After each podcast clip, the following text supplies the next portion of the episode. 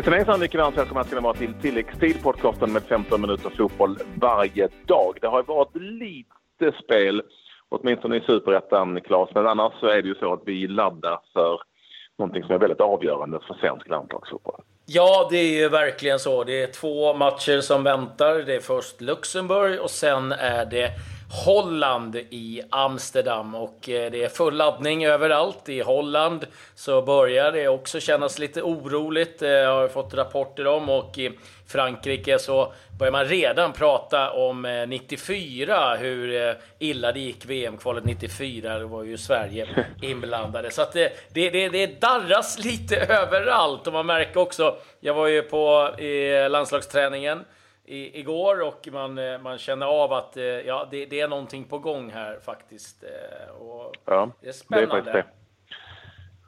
Du sitter hemma och njuter i Sverige medan jag är ute och kämpar i Europa som vanligt. Befinner mig faktiskt just nu i, i Tromsö, Tromsö långt upp i Norge och har tvingat i mig någon enklare skaldjursplatå. Men sånt kan ju livet vara ibland. Ja, eh, eller hur? Det är som, ja, Ja, eh, ni, eh. gå in och kolla på Patriks Instagram så kan ni säga så, själv har jag eh, fått göra mig eh, en eh, ja, krögarpytt blev min middag. Men eh, jag biter ihop, jag biter ihop. Gör det. Det som väntar närmast får vi inte glömma så är det samling idag med laget. Det som väntar närmast är ju faktiskt uh, Luxemburg. Vi pratar väldigt mycket om Hollandsmatchen mm. men först så ska vi ju avverka Luxemburg som som är ganska bra tycker jag. Jag såg matchen, bortamatchen. Jag tyckte de var, de var bra och, och, så. Så jag tror inte det blir världens enklaste match. Och av just den anledningen så har vi ringt upp den eh, som vi tror är eh, den största experten med svenska mått mätt på Luxemburg, nämligen Lars eh, Krog Gerson som ju till vardags tillhör GIF Sundsvall men också är både såväl norrman som luxemburgare, nämligen bofast i Luxemburgs landslag när han inte har skadeproblem som han har just nu. Välkommen till tilläggstid Lars. Hallå, hallå.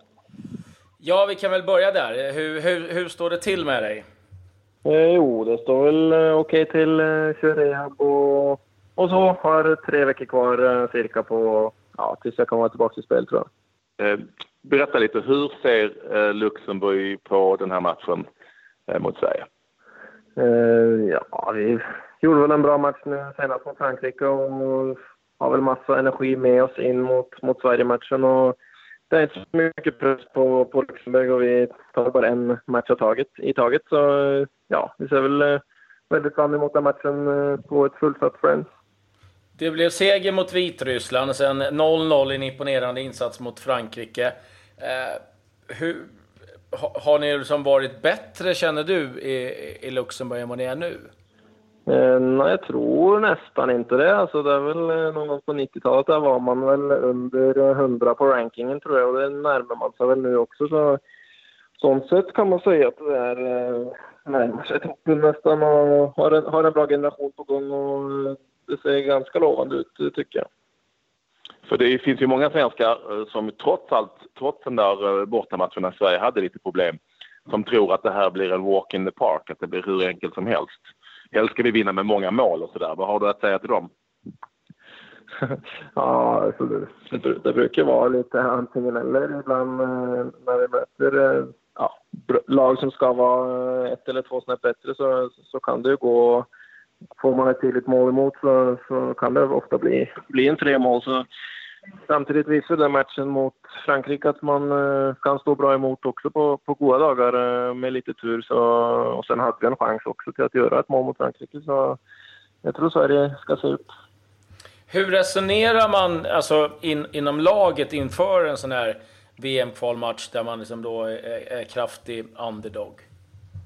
Eh, men, eh, ja, vi, vi, tycker det är kul att spela fotboll och de flesta, ja, de flesta över hälften är professionella och, och spelar bara fotboll och man går in för att vinna varje match. Så, så gör man även i Luxemburg och även mot Frankrike så gick man väl in med inställningen att man vill försöka göra ett mål mer än motståndaren och eh, det är väl så man tänker där och sen eh, ger man ju 110 procent. Annars får man inte spela liksom. Kan du berätta lite om laget som ju äh, har framförallt en god bit, en, en riktig, riktig super, supertalang och då förstår jag att du vet vem jag pratar om. Ja, jag räknar med du hintar till han Vincent till från Mets. Exakt. Exakt. Ja. ja. han kom ju fram redan förra året och fick starta några matcher. Spelade väl mot Sverige också bland annat. 16 år gammal, ja. Ja, precis. Och ja, jag tycker han ser lite ut som han Ödegård som vi fick fram i, i Norge för två år sedan här också. Och lite samma stil, tia och vänsterfotat, duktig med bollen, fin, fin, fint överblick och så. så ja, fortsätter man att utveckla han rätt så kan det bli en, en stor stjärna och en otroligt viktig spelare för, för ett land som Luxemburg. Du pratade innan om att det är som en generationsväxling. Vad, vad, vad känner du att... Eh, är det någonting som är på gång i Luxemburg? Eh, hur lång tid tar det innan som den generationen är klar? Eh, ja, nu börjar jag bli en av de gamla på landslaget faktiskt. Jag har varit med åtta år nu tror jag, åtta, nio år. Så jag får se upp jag med när det kommer så många unga. Men eh, ja, det, det, är kul att, eh, att många unga kommer upp och man får, man får verkligen chansen eh, skulle jag säga. Att, att man får chansen. Alltså är du 18 och, och lika bra som den andra så, så låter tränaren alltid den, den unga spelaren nästan.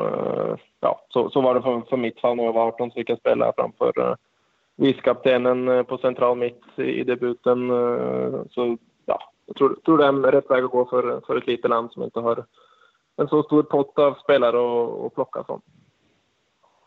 Lars, du kanske ändå ska förklara för dem som inte har stenkoll på varför du spelar för Luxemburg och inte för, för Norge. Eftersom du pratar Ja, det, ja precis. Nu har jag gått över till att snacka lite om svensk-norsk. mest svensk mm. nästan har det blivit tyvärr. Men, Est-ce que vous parlez français? Oui, oui. Un peu. Okej, okay, bra. Eh, jo, min eh, mamma är norsk och min far är från Luxemburg. Eh, och då hade jag valet eh, när jag var eh, ja, 17-18 så fick jag spela lite med eller redan innan när jag var 16 fick jag spela med Luxemburgs 17-landslag. Det gick bra och sen eh, ja, när jag fyllde 18 så ville alla, alla lagstränaren se mig och ja, sen fick jag debuten där och sen ja, körde man bara på. hörde, hörde inget mer från, eh, från Norge då. Var ja, bättre att få 50 landskamper för Luxemburg än kanske en för Norge någon gång. Eh, var väl det jag tänkte då. Hur, hur, eh, vad tror du att det som svenska landslaget kan förvänta sig i den här matchen med tanke på hur det ser ut mot Frankrike? Ja, det vet jag inte. Vår tränare gillar ju att mixa lite med... Kan finna på att mixa lite med taktiken och så. Så om det blir 4-4-2 eller om det blir 4-3-3, det, vet jag faktiskt inte just nu. Sen kommer man väl möta en, en kompakt och defensivt organiserat eh, motståndare som, som jobbar och, och sliter och sen räknar med att eh, Sverige kommer att vara ja, det, det laget med, med boll och som kommer styra matchen, räknar med. Jag måste bara få fråga innan du flika in här Patrik. Ja. Alltså, hur stort är intresset i Luxemburg för, för mm. fotbollen? Mm. Det är väl ganska stort, men eh, jag tror nog att cykling är väl den största sporten i Luxemburg och sen har du tennis eh, som också är ganska stort med några spelare som har varit bra nu på senaste och sen kommer fotboll då, tror jag. Så det är inte den största sporten. Kommer, kommer du själv åka ner på matchen till Friends? Eh, ja, jag kommer åka ner på torsdag eller fredag och sen är jag lite med i laget och ja, hjälper dem om de vill hjälp med något något där nere och, och hänga lite med grabbarna och sen, sen kolla matchen. Också. Vad har du för känsla? Den är väl ganska bra.